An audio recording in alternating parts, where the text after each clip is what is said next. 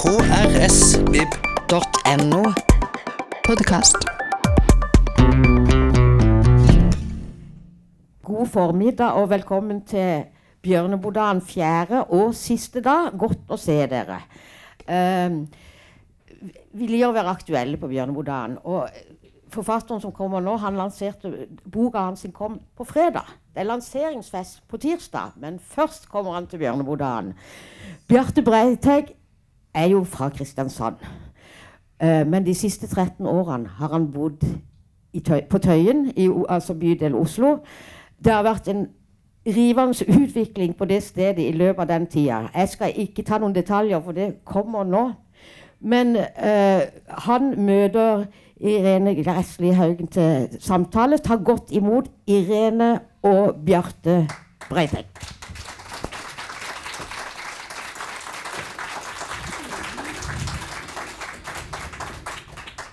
Og gratulerer med bok. Tusen takk. Ja, hei. Da har vi lyd på også. Veldig stas at vi skal få snakke om eh, Tøyen-effekten som eh, de første her i Kristiansand. Skal vi ta en sånn liten sånn som vi alltid gjør på Bokbad. Bjarte Breiteig debuterte i 1998 med noveller og har gitt ut tre novellesamlinger, en prosasamling, en essaysamling, og Tøyen-effekten er hans andre roman. Og da tenker jeg at du kan få lov til å lese litt først, så vi blir satt inn i stemningen i romanen din. Takk for en fin introduksjon. Eh, og så er jeg, som så mange andre nå for tida, litt eh, forkjøla. Så jeg er veldig glad at jeg har en sånn forsterkning til stemmen min. Jeg tenkte jeg skulle si at hvis det blir for dårlig med stemmen, så får dere bare kreve pengene tilbake. Men så er det jo gratis arrangement, er det ikke det? Så det, så det nytter ikke. Ja, jeg vil lese en bitte liten eh, snutt fra åpningen av denne romanen. Eh, den handler da om eh, Mona og Jostein som flytter til Tøyen i 2009. Det som på den tida er kanskje Norges mest eh, belasta og berykta bystrøk. Og bestemmer seg for å åpne en eh, nabolagskafé der for å bygge fellesskap.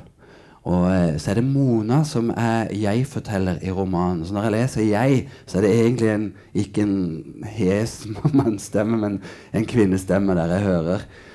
Og eh, det er hun som eh, Ja, hun formidler historien. Jostein er nok den mest entusiastiske og engasjerte av de to. Og hun sliter litt med å henge med i svingene kanskje av og til. Men dette her er fra tidlig i, i fortellingen. Og det er altså Mona som er jeg. Og her, på Tøyen i Oslo, i det som den gang fremdeles var landets mest beryktede bydel, var det tidlig på 2010-tallet blitt åpnet en nabolagskafé drevet av såkalte ildsjeler. Den var blitt etablert i et lite innbydende forretningslokale på det forhenværende butikktorget Tøyen senteret, hvor lokalene ellers stort sett sto tomme. Og rundt denne kafeen hadde det oppstått et fellesskap som vokste og bredte seg ut i gatene. Folk fra vidt forskjellige kulturer og i alle aldre begynte å hilse på hverandre. Dernest å snakke med hverandre. Dernest å bry seg om hverandre. Fellesskapet bredte seg inn i bakgårder, opp i leiligheter, i høye blokker. Det vokste og styrket seg i miljøene rundt skolen og bydelens barnehager.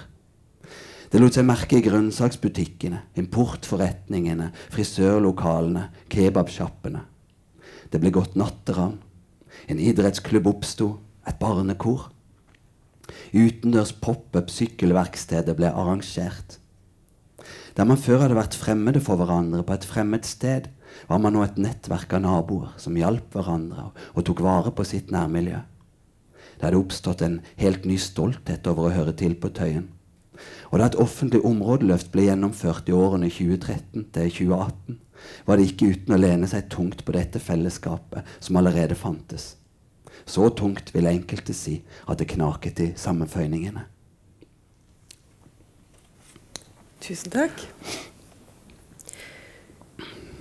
Når du leser dette, så hører jo vi som har fulgt litt med på deg, at dette her ligger jo litt nærme din, ditt eget engasjement og egne, ditt eget liv, da, siden du bor på Tøyen og har engasjert deg mye i Tøyen-saken. Så eh, har du valgt en kvinnelig hovedperson for å få litt distanse til ditt eget liv? Veldig godt gjetta. jeg tenkte at eh, når jeg skriver så tett på min egen virkelighet Jeg har aldri skrevet meg så tett på min egen virkelighet før. Så er det også viktig å ha et så distanserende grep. For jeg, jeg, var ikke interessert i å skrive eh, selvbiografisk. Det visste jeg fort at dette ikke skal være. Det skal være en roman som får leve sitt eget liv. Og for å hindre meg sjøl i å overstyre den fullstendig, eh, så valgte jeg å la det være en kvinne, da. Men det er helt riktig som du sier, at det er jo mye eh, Altså, lenge så skrev jeg om det som om det var en eh, navnløs bydel på østkanten. Og så, så, men idet jeg begynte å kalle det for Tøyen, og idet jeg begynte å skrive sant, Tøyen i de og de årene, så skjedde det noe med skrivinga. Da var det på en måte det ordentlige Tøyen, mitt Tøyen, jeg skrev om. Og da ble det merkelig nok også Så fikk jeg da en følelse at det, det ble mer dikta.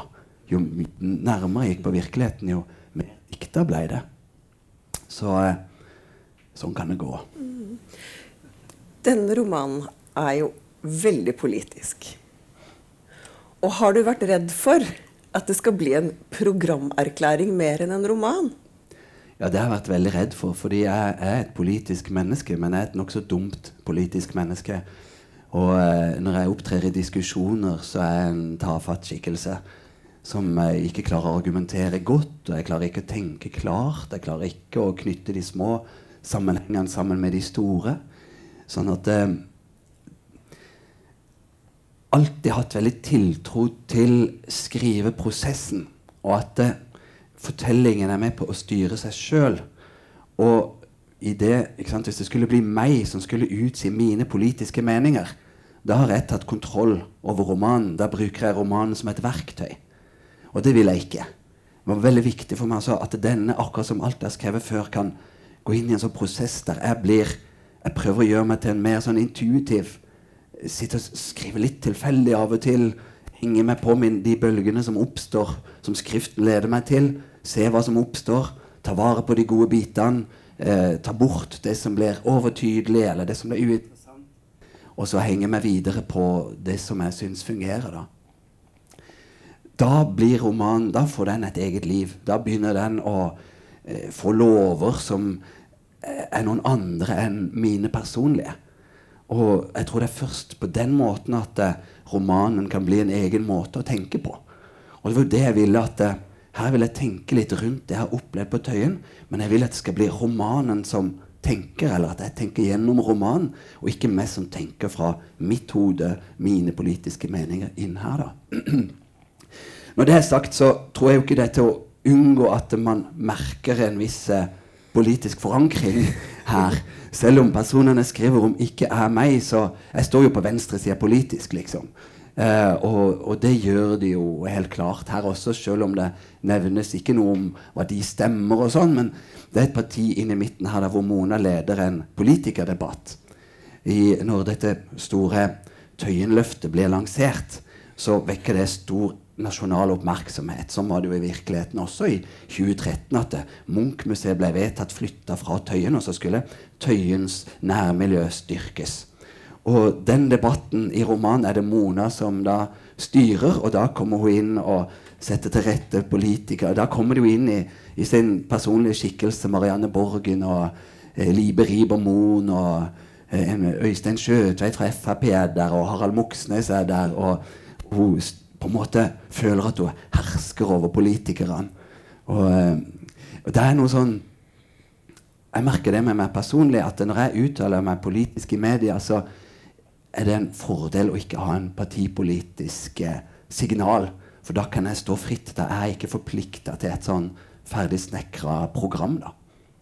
Men gjennom de historiene som du lar personer fortelle, altså personer som kommer innom denne kafeen som, som, du leste om, uh, så blir historiene deres fortalt. Og man blir jo berørt, og man blir beveget, og man blir frustrert over hvor, hvor feil mye er, da. Så sånn sett så, så får den jo en politisk effekt uten å være partipolitisk. Eh, og det er én ting som er problematisk for hovedpersonen. For hun rives ikke helt eller, Hun ser alt sammen utenfra, og seg selv også, og blir eh, kritisk til i det ene øyeblikket så blir hun lykkelig og varm og føler seg på plass. Og så i neste øyeblikk så blir hun redd for å være feilplassert eller for å være overentusiastisk eh, eller for å ikke være ekte nok. Eh, hva, hvorfor har du latt henne ha det så vanskelig? Nei, for det er vanskelig. Uh, det er jo uh, Det er Det er en Altså de, hun, tror, altså, de, hun opplever jo at hun har et ansvar, da. ikke sant? De flytter til Tøyen, og så ser de at her er det et miljø som faktisk trenger de. Men jo mer de går inn i miljøet, jo, jo mer behov blir det jo for de også. ikke sant? De åpner denne kafeen, så får de også ansvar for de frivillige som jobber på denne kafeen. Og eh, det blir deres ansvar å passe på at alle rundt der har det bra. Og ikke minst føler hun et ansvar for Jostein. Han eh, har jo eh, en tendens til å bli veldig entusiastisk. Men så kan han også bli veldig deprimert og sliten. Og når han er sliten, så føler hun at det er hun som må sette mot i han. Eh, så nei, jeg vet ikke, det, det, er jo sånn i alle liv. ikke sant? Vi har jo ansvar på forskjellige kanter. Og spesielt da når de engasjerer seg i en sak, så merker man det der ekstra tydelig. Og jeg hadde lyst til å vise at det, det å være en idealist og Det er sikkert mange av dere som gjør et eller annet idealistisk vær på deres kant, og vet at det, det kan koste. Og hadde lyst til å vite at det, vise at det, det kan være veldig inspirerende og meningsfylt, men det er ikke gratis. Det har en kostnad, da. Og det å bli ordentlig en del av et fellesskap, det er heller ikke så lett. For hvordan blir man en del av et vi når man har eh, markører på seg som skiller en ut? Sånn som Mona opplever at hun har med akademisk utdannelse, med, med, så veldig tydelig norskhet. De eier leiligheten sin. Det er så mange ting som, som gjør at hun føler seg da privilegert eller annerledes. Og så vil hun gjerne være en del av Tøyenviet. Og så får hun det ikke helt til. Nei, det er som du sier, det er et slags eh, stempel i det å være privilegert blant de som ikke er så privilegerte. Og at det gir en, kanskje en form for skam. Vet ikke helt hvordan du tolker det, men jeg tenker eh, at det kanskje er litt det. Altså man skammer seg litt over sin egen vellykkethet. Selv om hun er ikke så vellykka heller, etter sånn vanlig norsk middelklassemålestokk. så er jo ikke Altså, hun jobber jo som forlagsredaktør. Hun har jo en karriere. Eh, men hun er samtidig ikke helt der som hun ønsker å være. Hun ønsker å være en slags intellektuell som kunne skrive om eh, altså, Hun har tatt eh, litt hvitt utdannelse og skrevet om eh, eh, Alberte-bøkene til Cora Sandel. Ja, det lurte jeg litt på. Hvorfor har, er det akkurat Alberte-bøkene som hun har skrevet om? Og jeg følte sånn, Da hun nevner Albert og friheten, så følte jeg det var en sånn liten sånn pek som er sånn vi ønsker jo å være frie mennesker. Ja, eh, i friheten, i Albertes frihet, det, den er jo en Vet ikke hvor mange her som har lest den trilogien til Cora Sandel, de tre Alberte-bøkene. Eh, det gjorde veldig utslettelig inntrykk på meg da jeg leste de sjøl. Eh, og friheten til Alberte er jo en stor misere. Når hun får brutt seg løs fra dette her småborgerlige miljøet i Tromsø, som er skildra i romanen, komme seg fri fra det der hykleriet og der man holder hverandre på plass i sånne forhåndsantatte roller. Når hun kommer seg til Paris, så er hun jo fattig og fortapt i sin frihet. Den friheten er jo ingen lykke for henne i det hele tatt. da. Så kanskje ligger det litt i bakhodet til Mona når hun inngår altså Når de flytter til Tøyen, så forplikter de seg jo der. da. De gir jo opp den friheten de har hatt tidligere. Og kanskje ligger det en slags innsikt i det at en frihet også kan innebære et, en, en, en, en, stor angst. da. Personlig så har jo jeg levd som fri forfatter i 20 år. Og jeg vet at det er ikke nødvendigvis den store lykka. Det kan være perioder med lykke der, men det er ikke sånn at det bare er uavhengig, så blir alt bra. Det er ikke så lett. Nei. Og hun er jo veldig kritisk. Jeg syns litt synd på henne når hun eh, sitter på kafeen, eh, og så møter hun eh, de frivillige. Og så begynner hun å tenke på hvorfor er det ikke disse jeg løfter fram når jeg snakker? Hvorfor, hvorfor peker jeg bare på hun som er blitt lege? Eh, hun er så streng, da. Mm. Ja, og hun er moralsk eh, bevisst. Moralsk eh, selvkritisk. Det er vel eh, allmennmenneskelig egenskap, er det ikke det? jeg tror det. Eh, altså, hun, eh, hun har jo en venninne fra det somaliske miljøet som de ble kjent med. Ei som skiller seg ut fordi hun har klart å ta en medisinutdannelse og blir etter hvert lege. Idet hun blir lege, så forsvinner hun også litt ut av frivilligheten. For da har ikke hun lenger tid til å, å stå på kafeen der og, og, og, jobbe frivillig.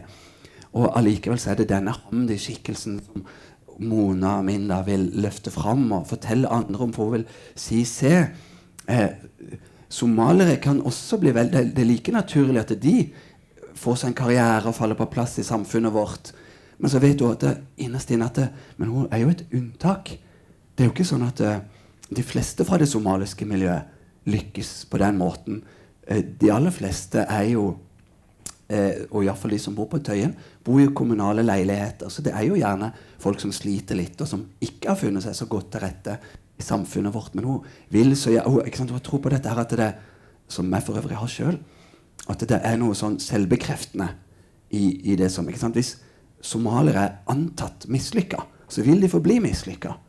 Men hvis vi klarer å se dem som muligheter, eh, som ressurser, så vil de også kunne bli til ressurser. Så det er jo den tankegangen som, som preger henne. da. Men det er derfor hun løfter fram Hamdi og så får dårlig samvittighet etterpå. For hvorfor forteller ikke de andre på jobben min også om Rokio, som står her på kafeen kveld etter kveld etter kveld, men som aldri kommer til å komme seg noen vei i sitt eget liv, som sliter med norsken sin og, og sånn. altså, bebreider, det, det, det, er jo de som Det er noe vakkert med Rokio også, men, men, det forteller jeg ikke om. For det liksom, Hva gir man verdi? Hva løfter man fram? Uh, og dette ekteskapet mellom henne og Jostein spiller jo også en viktig rolle i romanen. Og på en måte kan man si at problem, altså, ekteskapet og det samfunnsmessige speiler hverandre på en måte. Leser jeg helt feil hvis jeg leser det sånn? Nei, du leser alt. Håper det vil uh, bli lest, da. Fordi at uh, den, dette er et par som Altså, de finner jo kjærligheten tidlig. De har jo vært sammen noen år når de flytter til og i romanen så følger jeg de tilbake i tida da de møttes første gang på en kulturleir på Lista, arrangert av Vest-Agder fylkeskommune i 2003. og, og så, så, er de noen år på Bislett, da, hvor de holder på med sine eh, akademiske utdannelse. Jostein mislykkes i det. Hun lykkes. Og så det er en kjærlighet som har De har fulgt hverandre gjennom noen stadier allerede når de kommer til Tøyen. Men på Tøyen så opplever de å finne et nytt feste for sin kjærlighet. Et nytt fundament, da. Og eh, de eh, ser at det, kjærligheten er noe større enn bare jeg og du og vårt barn. Det handler også om hvor vi har plassert oss i verden. Og dette miljøet rundt oss, når vi begynner å jobbe sammen med det, og, og, og når de er sammen i det, så, så styrker det den gjensidige kjærligheten til hverandre. Sånn at parkjærligheten blir en del av den sosiale kjærligheten. da. Kjærlighet, jeg tror skriver noe sånt som at den, den blir en, vår kjærlighet til hverandre og tøynkjærligheten det de, de går opp i en slags sånn større enhet. da. Akkurat det er også veldig personlig opplevd. Selv om min kone og meg ikke er Mona og Jostein, så har vi også merka dette her, at det er noe jeg sitter med om kvelden og, og, og, og når vi er slitne, og, snakker sammen om Tøyen. At det er noe Vi blir også glad i hverandre på den måten. da. Ja, for det er eh. noe med å skape noe sammen. og, og, og se det at du er sammen i det ansvaret, da. Og ja, skape noe sammen. Absolutt. Men hvis vi går tilbake til Jostein og Monas ekteskap, så er det også en sånn maktbalanse der som eh, også speiler da maktbalansen mellom norskheten og eh, Tøyen-miljøet for øvrig. Eh, vil du si litt om det? Eller skjønner du spørsmålet mitt? Ja, Hvem det er som tilpasser seg. Eh, Mona tenker litt grann på hvordan det ble da Jostein flyttet inn i hennes leilighet, og han bare tilpasset seg hvordan hennes klær lå, hvilken musikk de hørte på. Hvem er det som har definisjonsmakten, både i ekteskapet og i samfunnet? For der har det gått litt sånn, da. ikke sant? For i begynnelsen, når hun blir kjent med Jostein, når hun er på denne kulturlæreren på lista, så føler hun seg helt lost. Og hun kommer med en skrivegruppe der det er veldig mange har, av ungdommene som har personlige problemer. Og så kommer Jostein inn og ser hvordan vi kan gjøre dette til noe godt sammen. Han leder filmgruppa. Så blir de enige om å gjøre et sånt fellesprosjekt med tekst og film. Og så blir det veldig vellykka. Og så ser hun hvordan hun sammen med Jostein greier å løfte disse ungdommene litt opp. da, Og styrke dem. Og det, eh, det er der hennes forelskelse i Jostein fødes. da. Og det å sammen gjøre noe for andre.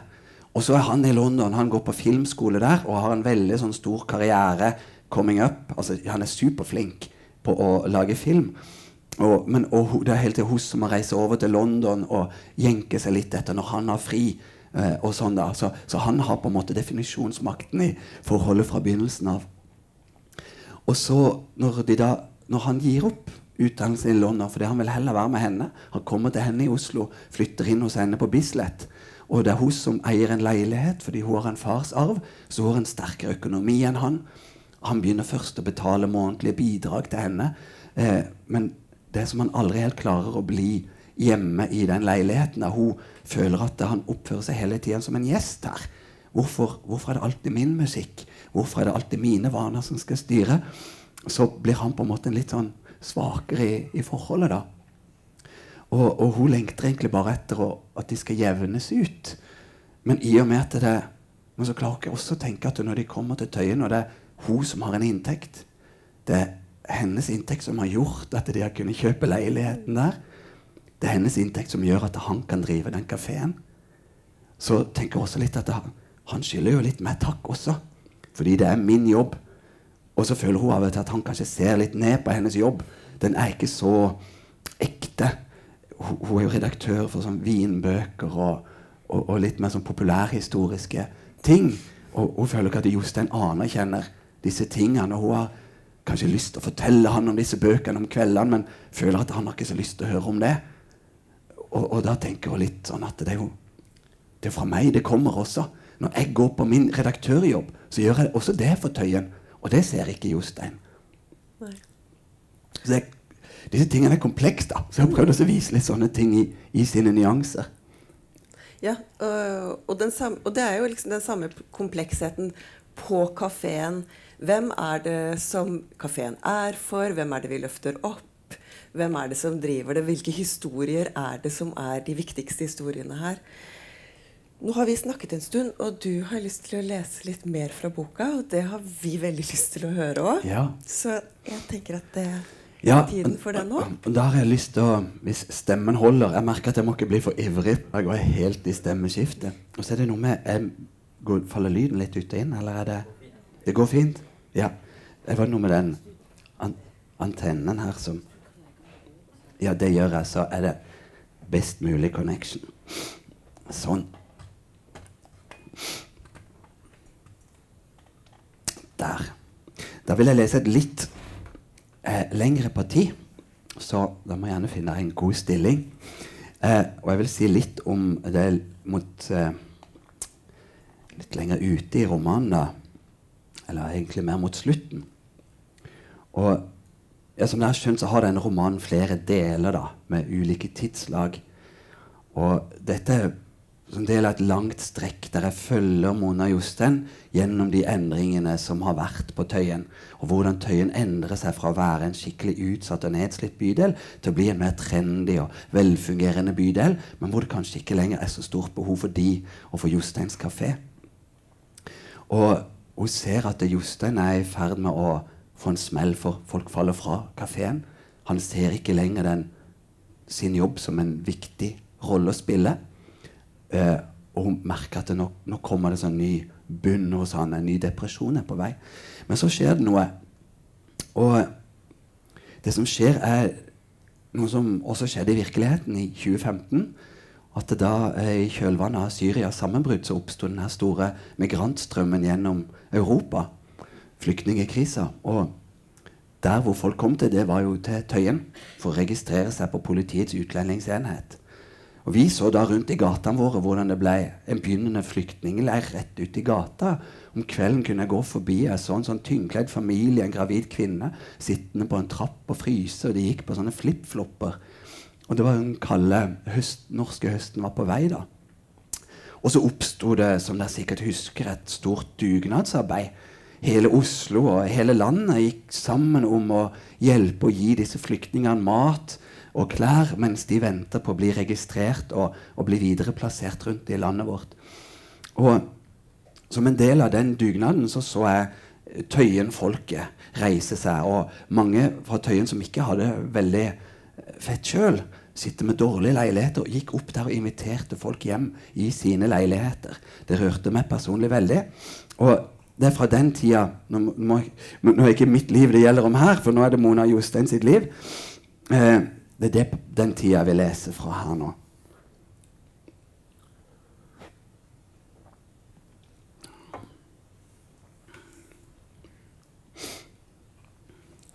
Dette var tidlig høsten 2015, og det var allerede klart for meg at Jostein sto foran en avgrunn. At kafeen var i ferd med å trekke ham ned, sånn avhandlingen i sin tid hadde gjort.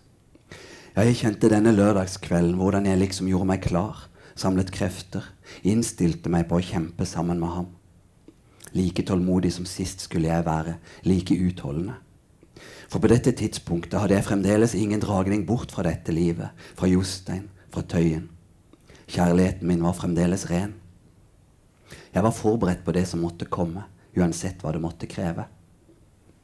Og så kom det likevel ikke. Ikke da. Ikke sånn.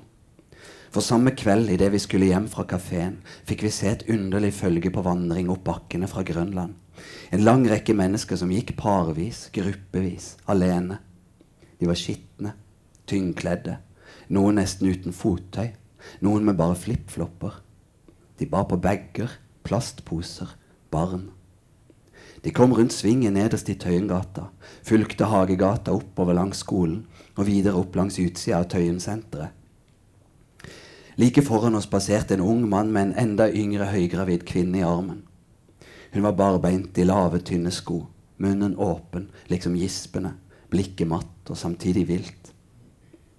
Et stykke bak kom en gutt på kanskje 17 år, hinkende med en krykke av sammensurrede kjepper og skitten bandasje rundt foten som lignet en uformelig klump. Vi hadde fått med oss nyhetene de siste dagene og visste hva dette var. Den store migrantstrømmen gjennom Europa i kjølvannet av Syrias sammenbrudd hadde nådd Norge. Det vi så, var flyktninger som hadde krysset et helt kontinent. I overfylte båter, til fots, i busser og tog og lastebiler. Og til slutt gått opp fra busstasjonen på Vaterland etter å ha tilbakelagt den siste etappen fra Gøteborg eller København eller Berlin. Det var hit de kom. Til vårt nabolag, Tøyen. De var på vei for å la seg registrere ved politiets utlendingsenhet i Økernveien. Jeg husker maktesløsheten jeg følte ved synet av denne endeløse strømmen. Det lille vi hadde fått til her på Tøyen. Hva var vel det mot utfordringene som nå veltet inn? Men ved siden av meg lød Josteins stemme så stødig som jeg ikke hadde hørt den på lenge. Welcome, sa han. Welcome to Norway. We wish all the best for you. We will do what we can for you. Så ba meg ta med Kalle hjem. Selv ville han følge strømmen de siste hundre meterne opp til Løkanveien for å se hvordan de ble tatt imot. Den kvelden og i dagene som fulgte, ja, i lang tid etter dette, var Jostein ivrig og oppglødd igjen. Det første han gjorde, var å invitere til samling på kafeen. Flyktningene, hva kan vi gjøre? Og nok en gang ble lokalet fylt til trengsel, både av våre egne og mange av de nyere som var kommet til. Alle hadde sett nyhetene og ville være med og hjelpe. Det var blitt klart fra første stund at politiet ikke maktet å registrere de ankomne fort nok, og langt mindre tilby mat, losji og sanitærmuligheter, og de ventende ble flere time for time. Jeg hadde fulgt Jostein på et par av hans rekognoseringsrunder forbi blokka i Økernveien og sett hvor tett folk satt der inne bak de skitne vinduene i første etasje, hvor det var rigget til et provisorisk venterom, og hvor persiennene hang og slang og vitnet om det totale kaos.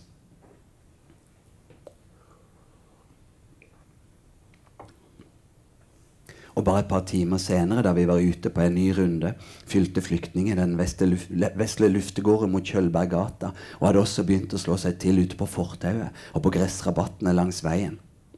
De lå rakt ut på asfalten, eller satt i grupper, eller lå lent mot sin egen forpakning og sov. Jeg syntes det var uhyggelig hvordan vårt eget nabolag bare i løpet av et par døgn kunne omgjøres til en begynnende flyktningleir. Men Jostein var rolig og virket nesten glad der han gikk omkring og huket seg ned hos den ene etter den andre. Han spurte om hvor lenge og hvordan de hadde reist, hvordan de hadde det. På kafésamlingen foran alle som var kommet, kunne han gjengi noen av historiene som i grove trekk samsvarte med dem som figurerte i nyhetssendingene. Og jeg så hvilket inntrykk det gjorde på folk, at det var her hos oss dette skjedde. Jostein oppsummerte. De trengte mat, de trengte klær, toalettartikler, bleier og bind, og de trengte overnattingssted, dusjemuligheter, mange trengte også legetilsyn. Foreløpig hadde vi hatt mildvær, men de kommende dagene var det meldt temperaturfall og kraftig regn. Da måtte ingen bli igjen ute på gata. Heldigvis var det også mange utenfor Tøyen som ville hjelpe. Ja, selv hadde han aldri sett så stor hjelpevilje før, sa han. Blant annet ville Oslos restauranter donere mat hver dag framover. Var ikke det fantastisk? Hele Oslo sammen, sa han. Han hadde derfor satt seg i kontakt med det nyopprettede Refugees Welcome to Norway. Han ville samordne vårt arbeid med deres, og hadde stilt kafélokalet til disposisjon for dem. For dette fikk han kraftig applaus. Hittil hadde vi stått sammen for å skape et hjem for hverandre, avsluttet han. Nå var det på tide å stå sammen for våre brødre og søstre. Han dvelte ved disse ordene for liksom å kjenne om de bar, og det gjorde de. Våre brødre og søstre, gjentok han, som ikke lenger har noe hjem. Ja, Jostein var tilbake på sitt mest engasjerte. Igjen viste han hvordan han kunne tenne en forsamling og gi den en unison vilje. Men denne gangen følte jeg ingen glede over å se ham sånn, og dette plagde meg. Skulle jeg ikke være glad for at han fikk tilbake kraften? Burde jeg ikke prise meg lykkelig for at han ikke ga etter for det som trakk ham ned? Hvorfor kjente ikke jeg den samme gløden som mange andre jeg satt sammentrengt med på Ansiktet kafé denne kvelden? Hamdi var der. Lana var der med sin mor. Vanja var der med sitt sedvanlige pågangsmot. Karim med en annen fyr jeg ikke hadde sett før, og altså mange andre av de nyere som jeg ennå ikke kjente så godt. Sannheten var at jeg innerst ikke delte denne voldsomme iveren etter å hjelpe de mange fremmede som nå strømmet inn i nabolaget vårt. Jeg vegret meg mot det arbeidet som i all hast ble planlagt, og som Jostein nok en gang så forbeholdsløst kastet seg ut i. Men hvorfor? Var jeg bare så sliten, så lei av det hele? Nei, det var ikke kreftene det sto på. Dette stakk dypere. En følelse av at det ikke fantes noen ende. Det jeg hadde sett i våre egne gater det siste døgnet, var for stort og uhåndterlig. Vi kunne ta imot og hjelpe så mye vi orket, men det ville bare komme flere. Det ville ikke gjøre noen forskjell. Ja, jeg kjente i meg selv nå disse kreftene som ville lukke og verne. Dette Jostein og jeg hadde foraktet så sterkt når vi så det hos andre. Jeg kjente at vi heller måtte ta vare på det vi hadde bygget opp. Trangen til å verne om det lille vi hadde. Vår lille familie vårt lille nabolag, vårt lille land.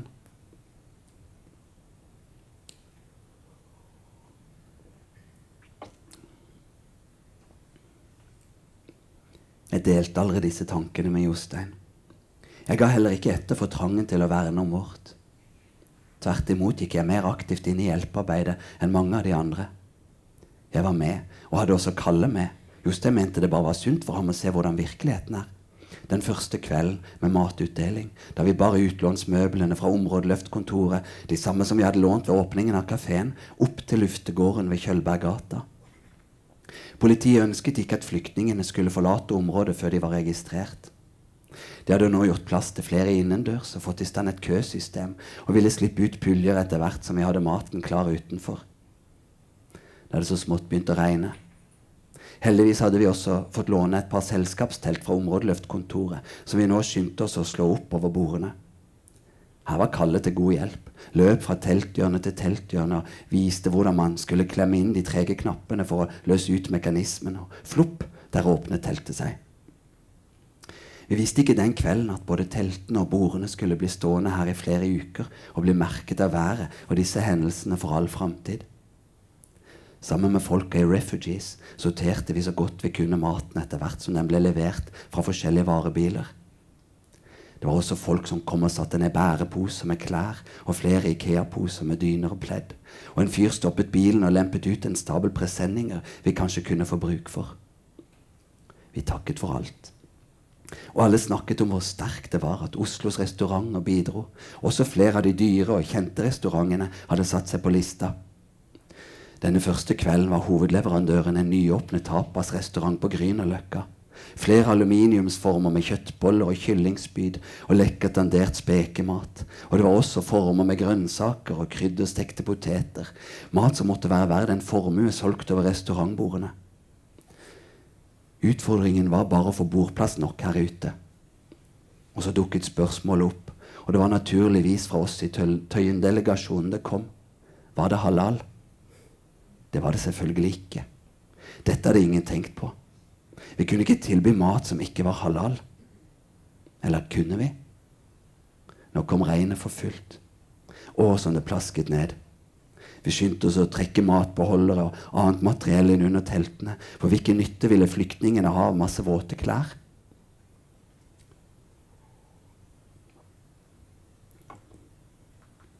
Disse posene burde dessuten vært sortert. Vi ante ikke hva de inneholdt.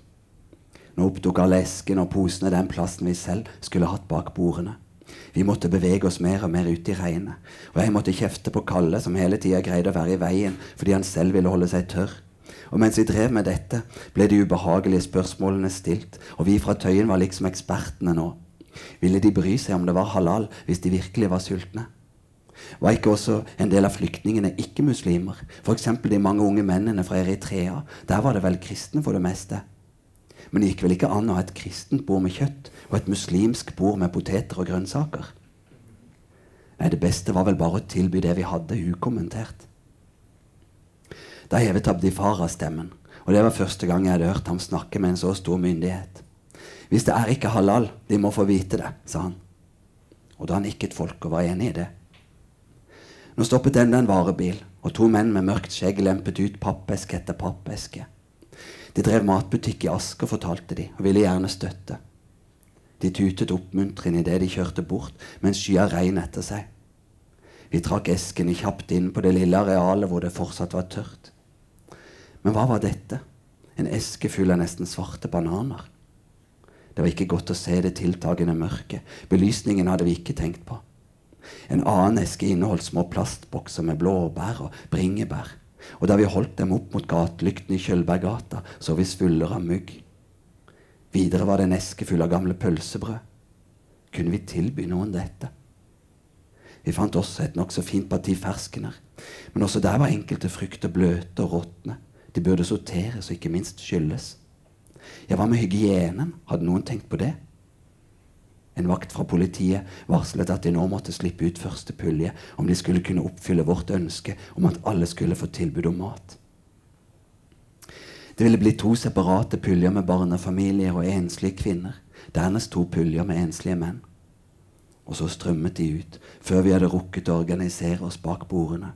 En flokk av barn som stimlet sammen foran oss. Og selvfølgelig var det kjøttet de strakte seg mot. Og vi måtte si 'So sorry. The meat is not halal. So sorry'.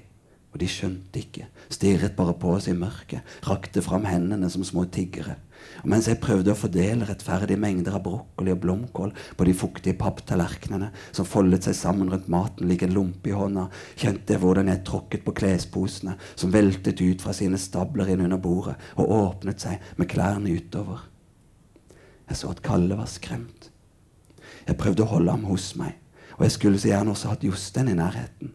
Men han var oppe på det lille halvtaket over døra med den våte skjorta klistret til ryggen og prøvde sammen med Karim å spenne ut en presenning over området foran teltene. Er det noen som har mer tau? hørte jeg ham rope, men det var ingen som hørte. Alle hadde nok med sitt. Tau. Noen som har tau.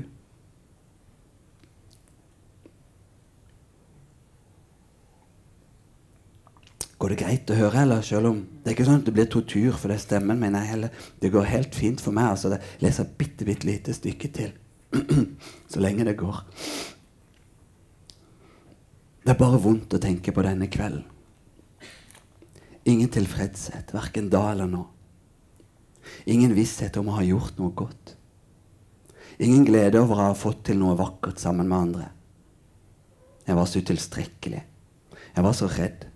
Og jeg vet nå at Kalle må ha sett redselen min og blitt preget av den. Da den første puljen med menn kom ut, skalv jeg så jeg hadde vondt for å få tak i matbitene og vippe dem over på tallerkenene med den lille skeia jeg hadde til rådighet. Mennene var enda flere, enda sultnere, enda mer pågående. En stor andel var afrikanere, og mange tok imot kjøtt. Men det var ikke nok mat. Det så vi nå. Ikke på langt nær nok. Flyktningene var enda mange flere enn restauranten hadde forutsett. Iltre stemmer rundt oss i mørket. Regnet som plutselig falt i små fosser fra telttaket når noen skubbet borti en hjørnestang. Presenningen som hang og slang og gjorde det lille gårdsrommet enda mer uframkommelig enn det allerede var. Og maks tre biter på hver ble det hvisket hissig fram og tilbake mellom oss bak bordene. Gikk kun én forsyning og maks tre biter. Og vi måtte også gjemme unna noen former for å ha noe igjen til siste pulje. De små porsjonene ble fort spist, og tallerkenene rakt fram på nytt. En skog av tomme tallerkener. Please, give me some more. Please, so hungry. Og noen av refugees-folka fikk satt fram esker med pølsebrød, og de flokket seg rundt dem, og jeg så hvordan de lyse brødene bare forsvant inn i de mørke ansiktene.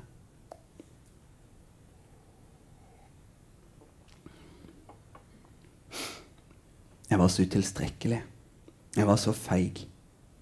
Jeg sa etterpå til Jostein at det var hensyn til Kalle at jeg gikk derfra før det var over. At jeg bare forlot dem. Men jeg visste at det ikke var sant. At jeg hadde gått uansett. Det var som om jeg slapp tak i noe mye større da jeg la fra meg skeia og gled ut i det våte mørket uten et ord til noen. Ikke engang til Abdifara, som hele tida hadde holdt seg i nærheten av meg og gitt meg små oppmuntringer. 'Dette går fint, du vet, Mona. Dette går bra.' Og gode Abdifara, som midt oppi alt også hadde sett hvordan det var fatt med meg. Og heller ikke ham ga jeg noen forklaring, forlot bare posten min og snek meg bort som en tyv, og overlot siste pulje og opprydningen til de andre, og ikke minst klargjøringen til neste dag, da det var ventet enda mange flere. Jeg fant Kalles hånd og sa, 'Kom, Kalle, kom, så går vi hjem.' Og ignorerte hans spørsmål om pappa, om ikke også pappa skulle være med. Og hvor var pappa? Og trakk han med meg over Kjølberggata, som nå var tom for trafikk, og hvor regnet hang i tunge slør under gatelyktene, og ned passasjen til Tøyen-senteret. Våte til skinnet gikk vi langs med de leddlysende installasjonene, og jeg gråt. Og jeg så alle som satt inne bak de store vindusflatene på postkontoret og drakk sine halvlitere og sine håndverksøl til over 100 kroner glasset. Og jeg vet ikke om det var dem jeg gråt for, eller om det var Kalle, eller meg selv, eller alle menneskene som ikke hadde noe hjem, og som kom hit til oss med sin nød og sine behov, og som her bare ble til en stor og skremmende flokk. Alle disse som jeg nå hadde sluppet tak i og bare ville rømme fra, hjem til meg selv ville jeg jeg rømme, hvor jeg kunne verne Kalle og meg. Var det dem jeg gråt for? Det burde være dem. Kalle hadde sett at jeg gråt nå. Og hva er det, mamma, sa han. Er du lei deg, mamma? Og det var ikke lenger jeg som trakk ham, men han som trakk meg. Og selv nå så sent så er flere flyktninger kommet. En pjuskete og søkkvåt familie med to barn på vei opp den lille bakken fra Coop. Mannen bærende på en stor oppakning innsurret i plast, og kvinner med de to jentene i hver sin hånd. Og bakken var så liten. Det var så lite igjen. Men det gikk så seint. Og jeg lot som om jeg ikke så dem. Ikke så de frysende jentene. Lot som om de ikke angikk meg. Og noen minutter senere satt jeg på toalettlokket på det varme, tørre badet vårt og gned først mitt eget hår med et håndkle, og deretter Kalles med et nytt håndkle. Og jeg så det bleke fjeset hans, fortennene som nesten hadde vokst helt ut. Hvor ble av alle barna som var der først? spurte han. De måtte inn igjen for å vente mer, sa jeg. De skal registreres, og så får de et sted å være. skal de ikke være på Tøyen? Det tror jeg ikke. De blir sendt til en kommune som har plass til dem. Noen blir også sendt tilbake dit de kommer fra. Helt tilbake. Helt tilbake, sa jeg. Det er ikke alle som vil at vi skal ta imot så mange folk fra andre land. Bare de som trenger det aller mest. Se her, ha på pyjamasen din. Må de gå hjem? Nei, da får de ta fly. Mamma, hvor blir av pappa? Han kommer nok. Tror du de barna var snille? Det tror jeg nok. Jeg tror det også, sa han. Bare at de var veldig sultne. Veldig, veldig sultne, sa jeg. De hadde reist langt. Mamma. Ja, gutten min. Jeg skal aldri reise fra Tøyen. Nei, sa jeg. Det bestemmer du selv. Tusen, tusen takk.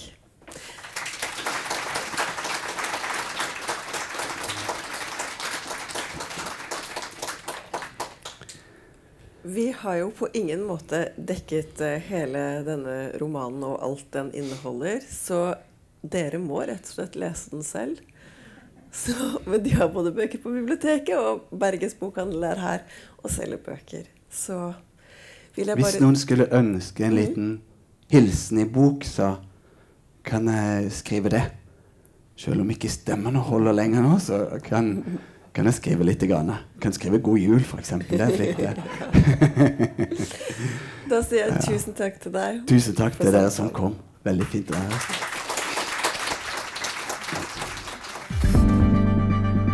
Flere podkaster fra oss finner du på Google Podkast, Apple Podkast eller iTunes, eller ved å stikke innom vår hjemmeside på krsbib.no.